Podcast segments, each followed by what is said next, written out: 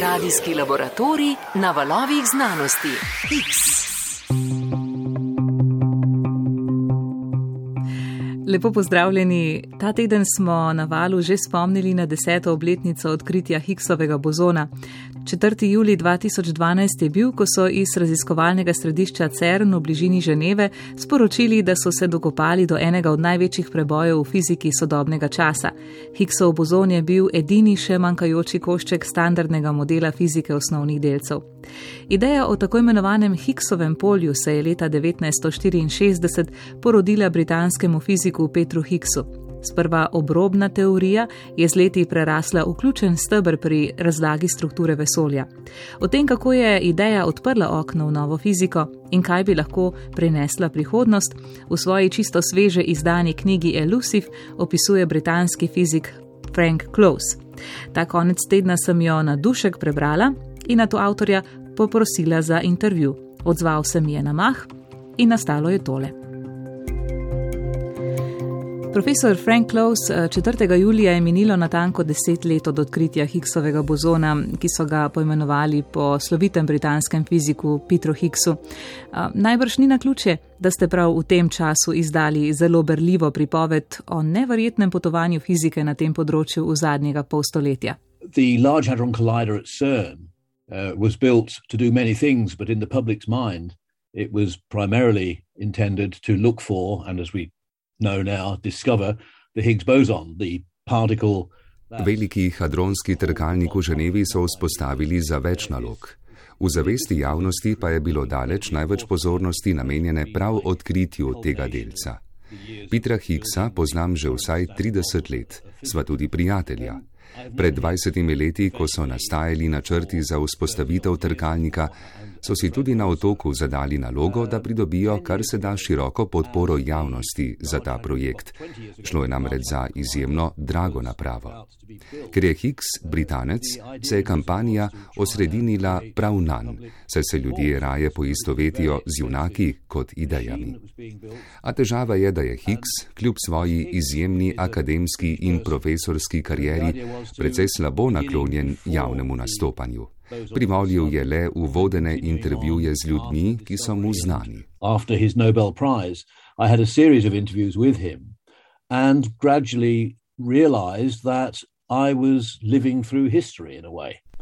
Najno poznanstvo se je tako z početka vrtelo okrog številnih javnih intervjujev, v katerih sem ga gostil kot voditelj in postopno spoznaval, kako se mi pred očmi pravzaprav odvija zgodovina. Vse bolj sem ga čutil kot človeka, slutil sem njegovo notranjo nestrpnost, ko desetletja po svoji izvorni hipotezi čaka na njeno empirično potrditev.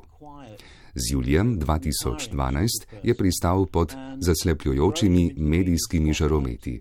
To pa mu, tihemu in zadržanemu kot je, ni ustrezalo.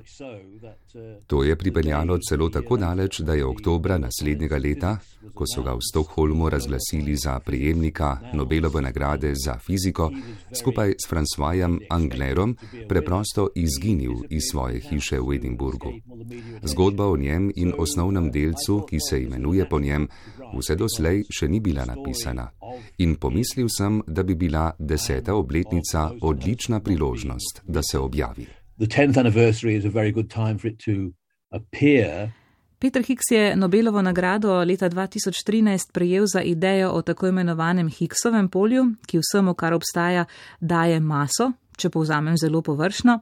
Um, idejo o tem pa je dobil že leta 1964. Napisal jo je vsega nekaj tednih, vse ostalo pa je zatem seveda zgodovina.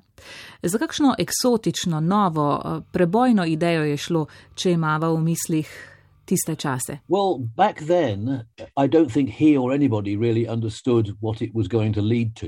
Mislim, da se tedaj nišče, ne on, ne kdorkoli drug, ni zavedal, k čemu bo vodila ta ideja. Po leti 1964 je preprosto izpeljal idejo, nekakšen matematični trik, ki je odpravil tedanjo blokado v teoretični fiziki.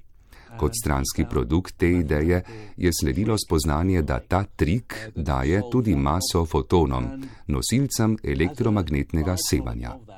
Vse to je matematično zelo zanimivo, a fotoni so večino časa brez mase. Njegovo idejo so tedaj imeli za zanimivo rešitev še zanimivejšo posledico. In to je bilo to. Počakati je bilo treba do leta 1971, ko sta tedaj študent Gerard Hoft in njegov mentor Tini Weltman Higgsovo idejo uporabila za dokaz, da je mogoče pod skupno teorijo združiti elektromagnetizem in šibko silo radioaktivnosti. And that really was the moment when you might say the modern excitement about physics uh, took off.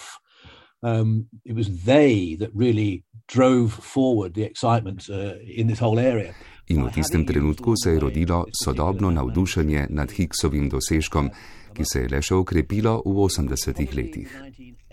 Leta 1983 namreč avtorja Karlo Rubija in Simon van der Meer v CERNu odkrijeta tako imenovane bozone V in Z, ki so kvanti šibke jedrske sile. Ti osnovni delci imajo zelo veliko maso in prav Higgsov matematični trik je pojasnil, odkot jim tolikšna masa. S tem je Higgs pritegnil tudi fizike, ne le matematike, ki so dobili potrditev, da narava deluje po tem principu.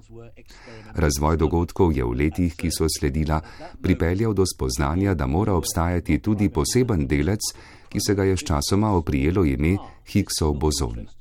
Skratka, Higgsovo odkritje je pomenilo, da je vse, kar obstaja, potopljeno v nekaj, čemu pravimo Higgsovo polje. To si lahko predstavljate s tole analogijo. Podobno kot lahko iz elektromagnetnega polja ustvarite na milijone fotonov, če mu dodaste energijo, lahko izvabite Higgsove bozone iz Higgsovega polja. Edina razlika je, da za nastanek milijonov fotonov potrebujete le vžigalico, za nastanek enega Higgsovega bozona pa je potreben veliki hadronski trkalnik. Ta ideja je v 80-ih letih prejšnjega stoletja močno prehitevala razvoj tehnologije.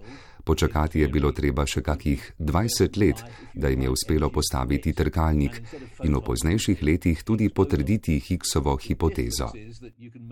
Ironično pa je, da Higgs vse od izpeljave svoje ideje naprej ni storil ničesar več. Vse preostalo delo v zvezi s potrditvijo Higgsovega polja in osnovnega delca, ki ga nakazuje, so opravili drugi pravzaprav je bil izmuzljiv, prav tako kot je izmuzljiv delec, ki ima ime po njem. In od to tudi naslov moji knjigi.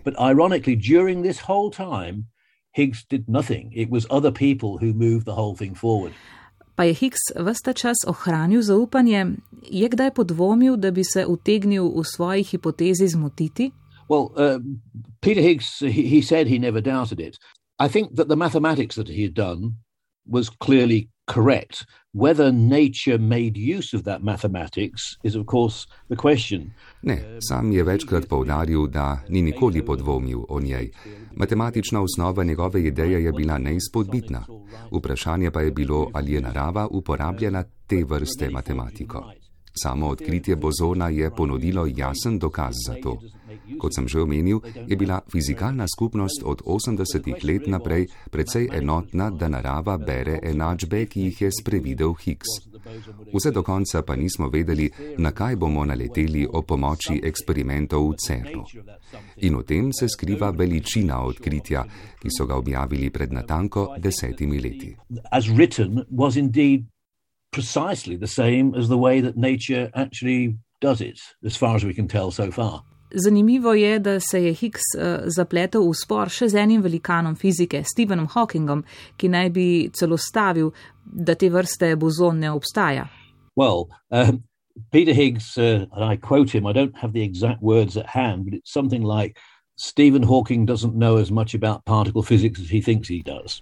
Hawking je bil že odnegdaj mojster pri ustvarjanju velike publicitete. Prav zato je v javnosti močno odmevala njegova drzna trditev, da Higgsov bozon ne obstaja. Zato je ob neki priložnosti celo stavil 100 dolarjev in jih pozneje seveda izgubil. Hawkingovi pogledi so sicer vsta čas bolj pritegnili predvsem medije, kot pa resno raziskovalno skupnost. Mislim, da je Higgs ob tem zatrdil nekaj takega, Stephen Hawking ve o fiziki osnovnih delcev manj, kot misli, da ve. In če se zdaj profesor Klaus odpraviva v leto 2012, kako pa je bilo na dan razglasitve odkritja Higgsovega bozona 4. julija tistega leta? Kakšna čustva so tedaj spreletavala Higgsa? E, zanimivo je, da so ga na razglasitev povabili šele tik pred zdajci in da na sami novinarski konferenci, takoj po razglasitvi, ni želel dajati izjav. I was with him the week before at a, a summer school in Sicily. At that stage, we knew there was going to be a report Z njim sem bil teden dni pred razglasitvijo, skupaj sva se udeležila poletne šole na Siciliji. Vsako leto tisti čas so v Cernu pripravili letno poročilo pred pomembnimi znanstvenimi konferencami na tem področju. Veliko špekulacij je bilo, ali jim je tisto leto uspelo, a nihče ni natančno vedel. Potem pa je Peter, kot ste omenili, prijel telefonski klic. Iz Ženeve ga je poklical legendarni znanstvenik pri CERN-u John Ellis in ga povabil naj se dogodka tisto leto udeleži, sicer bi utegnil to obžalovati. Kot vemo, sta v iskanju Higgsovega bozona neodvisno, druga od druge, v CERN-u delovali dve skupini, vsaka na svojem detektorju, ob tem pa raziskovalci niso vedeli za rezultate drug drugega. Za nje je vedel le tedanji generalni direktor Rolf Dieter Hoyer, ki pa je tedaj na predstavitev poročila povabil tudi vse svoje predhodnike na čelu institucije. In to je bil jasen znak, da bo šlo za nekaj velikega. And, uh,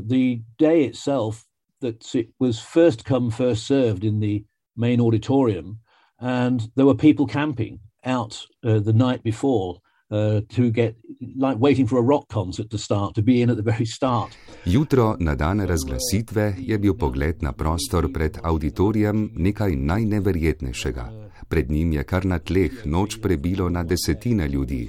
Vse skupaj je bolj spominjalo na rokovski koncert kot strokovni fizikalni dogodek. Sama razglasitev je bila izjemno čustvena. Nekaj, o čemer smo lahko več desetletij le sumili, se je izkazalo za resnično. Zame osebno je bil ta trenutek prestop v novo znanstveno dobo. Dobili smo novo potrditev tega, kako narava deluje in to znanje bo odslej ostalo z nami za večno. Po razglasitvi se je bilo treba pomakniti v sosednji prostor, kjer je potekala novinarska konferenca. Ob tem so mediji Petru Higgsu dobesedno postavili zasedo. Situacijo mi je opisal kot precej zastrašujočo in utesnjujočo. Na konferenci ni rekel niti besede, dokler ga ni izval eden izmed novinarjev, ki ga je dobesedno prosil za kakršno koli izjavo. In jo je tudi dobil. Higgs je odgovoril le: Danes je dan za eksperimentalne znanstvenike, ki so zgradili ta stroj, ne zame, da bi to komentiral. Dr. Hoyer se je ob tem pošalil, da so mediji vendarle dobili nekakšno izjavo. This is a day for the experimentalists, uh, not for a day for, for me to make a comment. And that was all he said. And the director general said to the, to, to the media, well, at least that was a statement. X. Veliki hadronski trkalnik so po 15 letih graditve zagnali septembra leta 2008. To je bila neverjetna tehnološka zver pod Ženevo, dolga toliko kot obvoznica okoli našega glavnega mesta Ljubljane. Njegov zagon je tedaj po televiziji in radiju spremljala več kot milijarda ljudi. Kako velik tehnološki preboj je bil tedaj zagon trkalnika?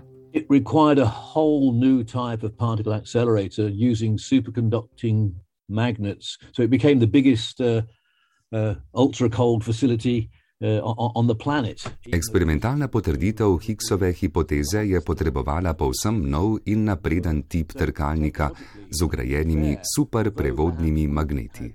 Hadronski trkalnik v Ženevi je največji ultrahladen objekt na svetu, ki hkrati izvaja najbolj vročo fiziko in to dobesedno. Zaradi zapletenosti njegove zgradbe je bilo vse do obdobja 2000 do 2005 nejasno, ali bo trkalnik sploh deloval. Zagotovo je torej izreden uspeh sodobne tehnologije. Odkritje Higgsovega bozona, tega manjkajočega delca v sestavljanki osnovnih delcev, potrjuje, da standardni model drži, da delčki te sestavljanke v resnici spadajo skupaj in se ujemajo. Naj vam to prikažem z analogijo.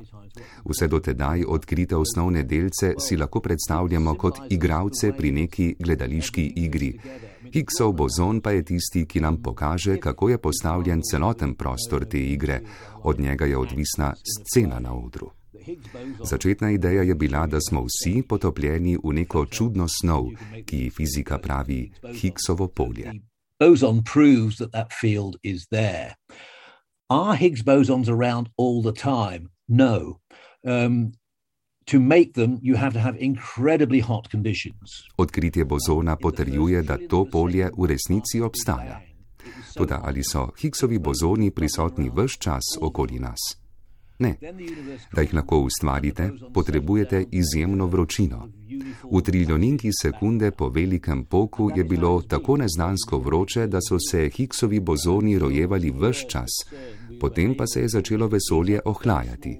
Ti delci pa so se umirili in se razvrstili v nekakšno unificirano ozadje. In vse odle je tako, torej zadnjih 13,8 milijarde let. Leta 2012 jim je v CERN-u uspelo poustvariti trenutek skoraj takoj po velikem poku, ko so na zelo majhnem prostoru ustvarili izjemno visoko temperaturo. Pri tem pa se je izcimil ta težko pričakovani osnovni delec. Zdaj vemo, koliko energije potrebuje za svoj nastanek, še vedno pa ne vemo, kako se bozoni zgoščajo skupaj, da ustvarijo Higgsovo polje. Tukaj lahko spet postrežem z analogijo. Tako kot ribe potrebujejo vodo za svoj obstanek, mi potrebujemo Higgsovo polje. Zdaj pa se je zgodilo, da je neka zelo pametna riba odkrila eno samo molekulo H2O, ki je dokaz, da voda obstaja. Še vedno pa ribe ne vedo, kako nastajajo oceani. To odkritje pa bo ključno. Več o tem, kako je zgrajeno Higgsovo polje, bomo po mojem najverjetneje začeli odkrivati v prihodnjih letih. V CERN-u bodo lahko namreč zdaj, ko se bo trkalnik po daljšem obdobju prenove spet zagnal, ustvarili žarke še večjo močjo. Pri tem utegneta nastati dva bozona, ne le eden. Iz njune interakcije pa bi lahko več sklepali o nastanku Higgsovega polja. Before uh, escape, like, we may begin to learn how Higgs bosons indeed merge together. That first step in building up this field that we're immersed in. Kakšno pa je Higgsovo stališče do naslednikov LHC-ja? Podpira te raziskave in zgraditev novih trkalnikov? Uh, that, that I don't know, but uh, what he did say that he was concerned about uh, when he talked with me 10 years ago, uh, when the boson had just been discovered, and he said he had always been uncomfortable with the way that in the public's mind the LHC had been built to discover his boson and nothing else. Tega ne vem.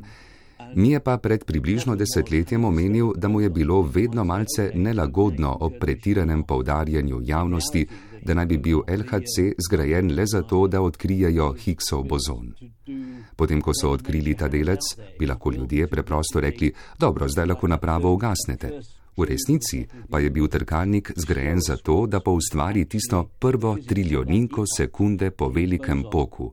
Odkritje Higgsovega bozona je le del celotne sestavljanke. Um,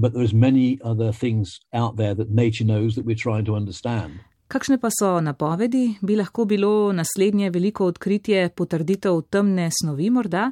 Bi lahko kaj takega dosegli že v 21. stoletju? Well, I don't know whether they will because uh, only nature knows how things really are. Lahko bi, a ne vem, ali bodo.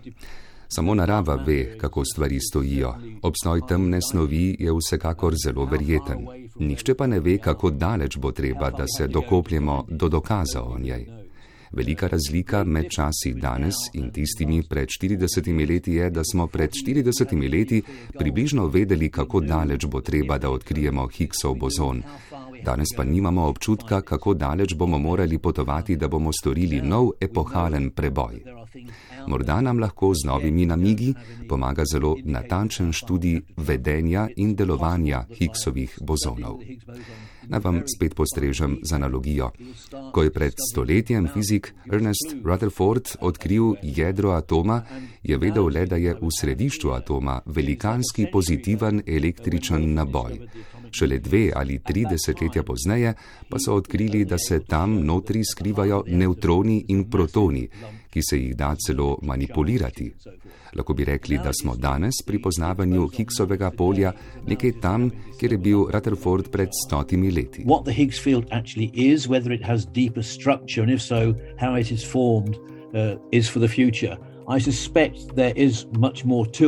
Sumim, da Higgsovo polje skriva še veliko neznank, o katerih se nam zdaj niti sanja. Velika uganka, na primer, je, zakaj imajo stvari tako maso, kot jo imajo. Ne verjamem, da gre le za Higgsovo polje, ampak da se mora v ozadju skrivati še kaj. Če bi se mi svitalo kaj, bi o tem zagotovo napisal naslednji članek. I'll be writing a paper about it right now. That's the great excitement. Nature knows, we hopefully will find out. Kako pa je Peter Higgs danes? Imeti mora že nekaj čez 90 let, kaj ne?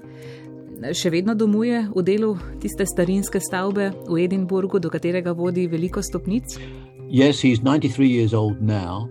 He was 84 uh, at the time that the. Uh... Da, Peter Higgs ima 93 let. Ko je prejel Nobelovo nagrado, jih je imel 84.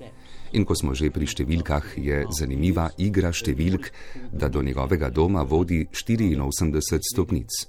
Živi namreč v delu Edinburga, ki se mu reče Newtown in je pod UNESCO-vo zaščito. Prav zato v stavbi niso smeli postaviti dvigala. In tako še danes vsak dan z vse večjim naporom premaguje teh 84 stopnic. He still does that, though one has to say with increasing difficulty. Čisto za konec, eh, profesor Frank Close pa omeniva še Higgsovo biografsko podrobnost, ki jo mimo grede navedete v knjigi, zanimiva pa je za nas slovence. Leta 1963 je letoval v Dubrovniku. Da, in to niso bile kar nekakšne počitnice, ampak medeni tedni. Ob tem se spomnim, da sta se na medene tedne odpravila, preden sta se poročila in pravzaprav nama je s Higsom Dubrovnik skupen. Tudi sam sem bil tam pred mnogimi leti na počitnicah, za res lep kraj.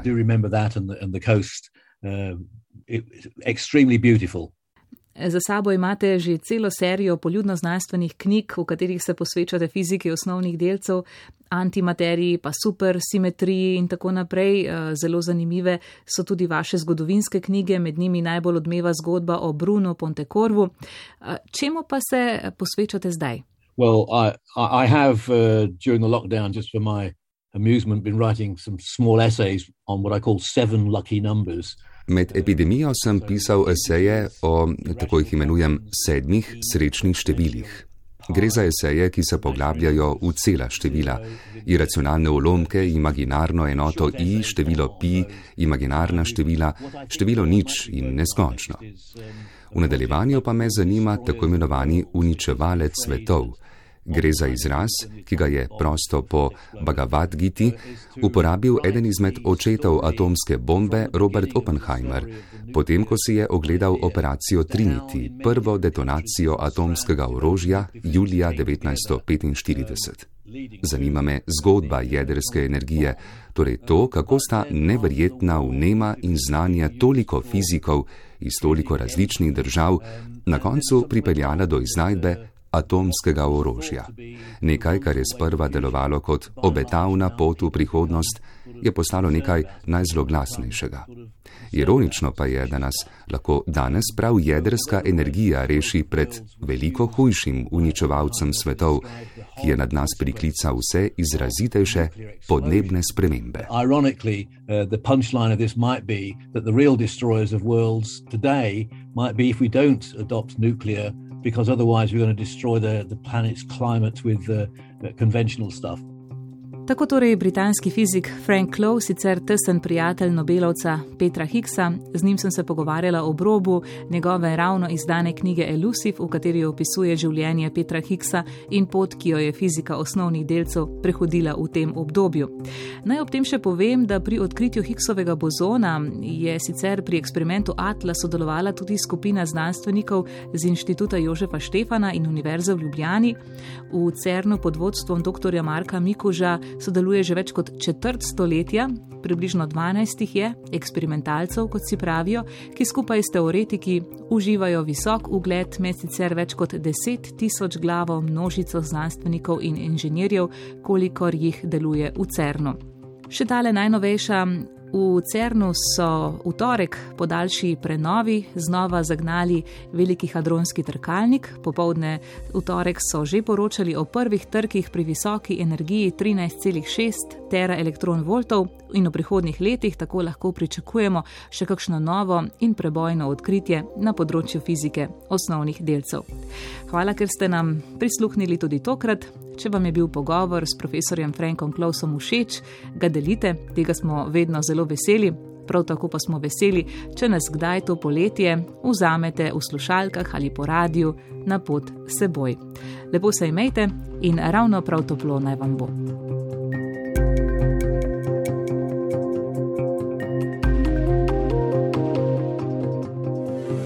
X.